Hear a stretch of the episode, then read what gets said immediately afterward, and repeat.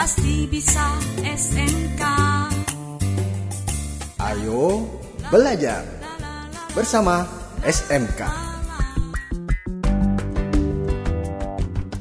Sahabat edukasi, masih di suara edukasi dalam program Ayo Belajar. Program Ayo Belajar kali ini adalah bahasa Inggris dengan tema offering help atau menawarkan bantuan, khususnya dalam penggunaan unsur kebahasaan. Mari kita simak percakapan berikut. Hi Ito, do you have a minute? Boss, trust me to get in charge in serving our company guest. I'm confused of what I should say if they need some help. Hito, Sahabat edukasi, apakah kalian pernah diminta untuk mendampingi tamu dari luar sekolah atau instansi kalian? Kalau begitu, maka sama seperti cerita Laras. Yuk kita simak percakapan selanjutnya.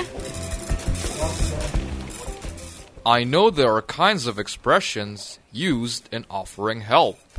can you help me, Hito? After all, you served our company guest last month, right? So you already know what to do. Let's see. Hmm. There are some points about offering helps. First, usually we use modals like may, can, will for casual. Would and could are used for polite. Second, most of the subject will be I and sometimes we, since we are the agents who offer or give a help. Using may seems casual, but in verbal communication, it can be polite, depends on the context of the conversation. Can you give me some examples in sentences, Hito? There are statement and question in offering helps. For example, the sentence, You may use my laptop for the presentation, is a statement. Another example, May I bring your bag, sir? is a question. Sahabat edukasi, ada beberapa unsur kebahasaan yang digunakan untuk menawarkan bantuan dengan ungkapan polite atau casual dalam bentuk pernyataan atau pertanyaan. Unsur pertama yakni penggunaan modals dalam bentuk casual sebagai berikut: may, can, would, dan could. Unsur kedua, penggunaan subjek I dan we di mana kita sebagai orang yang menawarkan bantuan. Unsur ketiga, bentuk pernyataan. Contohnya, You may use my car to pick your children up.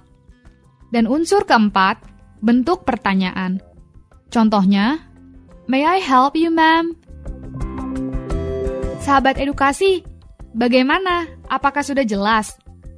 Agar dapat lebih memahami, mari simak percakapan antara staf dan tamu hotel berikut.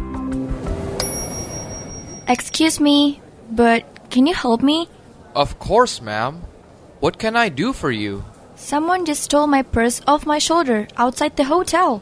Are you okay? Yes, just shaken up a bit.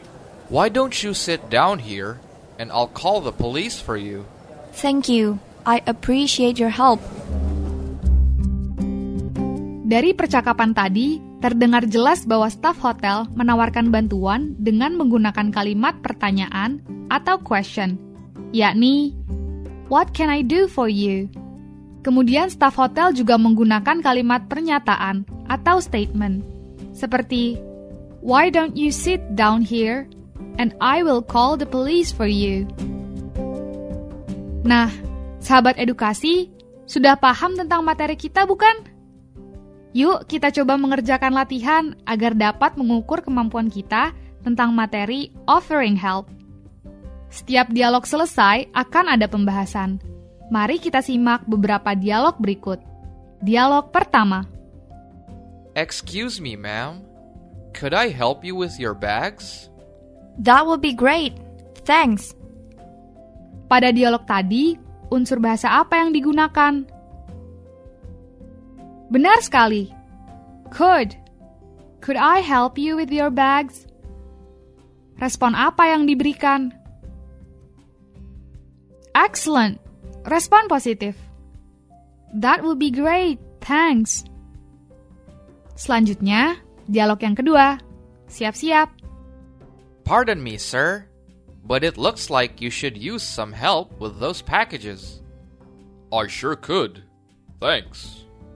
Pada dialog yang kedua ini, dalam bentuk statement atau question kah, staff menggunakan ungkapan menawarkan bantuan. Exactly, you're great. Dalam bentuk statement atau pernyataan. It looks like you should use some help with those packages. Bagaimana dengan respon yang diberikan? Positif atau negatif? You got it. Benar sekali. Respon negatif. I sure could. Thanks. Sahabat edukasi, menarik bukan pembahasan kita? Rajin-rajinlah berlatih menggunakan bahasa Inggris agar semakin paham dan lancar berkomunikasi. Ada sebuah kutipan menarik. If you can't be a pencil to write anyone's happiness, then try to be nice eraser to remove their sadness. Be someone useful for others. If you can't make others happy, at least you can omit their sadness. Makna dari kutipan tersebut yaitu, jadilah seseorang yang berguna bagi orang lain. Walaupun mungkin kamu tidak bisa membuatnya bahagia, setidaknya kamu dapat mengurangi kesedihannya. Tetap semangat dan ayo belajar! Pasti bisa SMK Ayo belajar bersama SMK.